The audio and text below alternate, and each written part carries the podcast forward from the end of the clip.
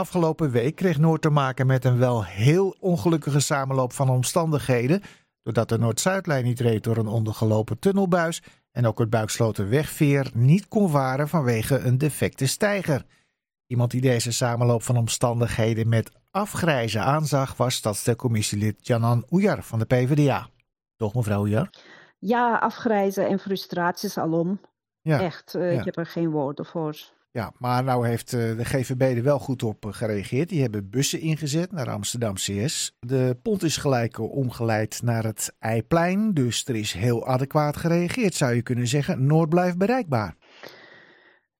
Nou, Noord blijkt bereikbaar. Aan de andere kant heb ik bijvoorbeeld een citaat van de GVB gelezen, waarin ze zeggen van, wees lief voor elkaar en probeer Noord te mijden. Kijk uit dat u daar niet strandt. Ik heb zoiets van, je hebt het over een stadsdeel met 100.000 inwoners. Hoe wil je dat wij Noord moeten gaan mijden in godsnaam? Je kan tot een bepaalde punt natuurlijk problemen oplossen en wellicht ook verzachten. Maar aan de andere kant, mensen missen hun aansluitingen. Mensen moeten langer reizen dan ze gewend zijn. Dit is patspoem in één keer. Het lijkt de wet van Murphy achter elkaar. Zoveel dingen in Noord.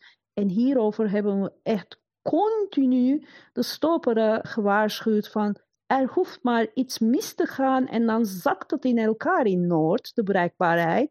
Wees gewaarschuwd. En nu Mhm. zien we dat het ook zo is gegaan. Wat zou er volgens u dan moeten gebeuren? Nou, eh, wat ehm, volgens mij moet gebeuren, dat wij meer keuzemogelijkheden eh, moeten krijgen, zoals bruggen over het IJ en een voetgangerstunnel. Dus echt vaste oeververbindingen waar voetgangers, fietsers en openbaar vervoer gebruik van kunnen maken, zodat mensen over kunnen steken naar het centrum. Mhm. En dan ben je niet afhankelijk van een elektrische metro of een pont die tegen de kade, een kade die in elkaar zakt of dergelijke. Natuurlijk kan er ook iets gebeuren met de bruggen, maar dan heb je in ieder geval twee bruggen en een voetgangerstunnel. Het enige wat wij vragen, wat Noord nodig heeft in ieder geval, en vanuit de stadsdeelcommissie hebben we dat heel vaak aangekaart, is dat we keuzemogelijkheden krijgen. Maar nou is er één klein praktisch probleem.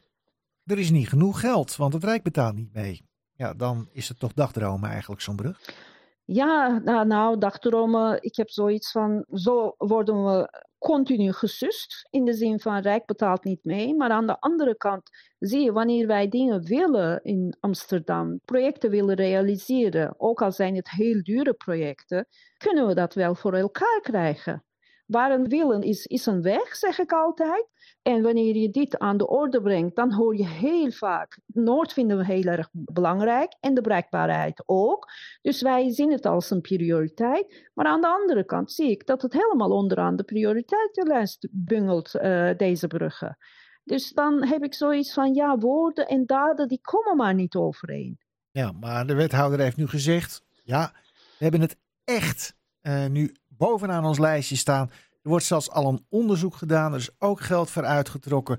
We zijn eigenlijk al hard bezig.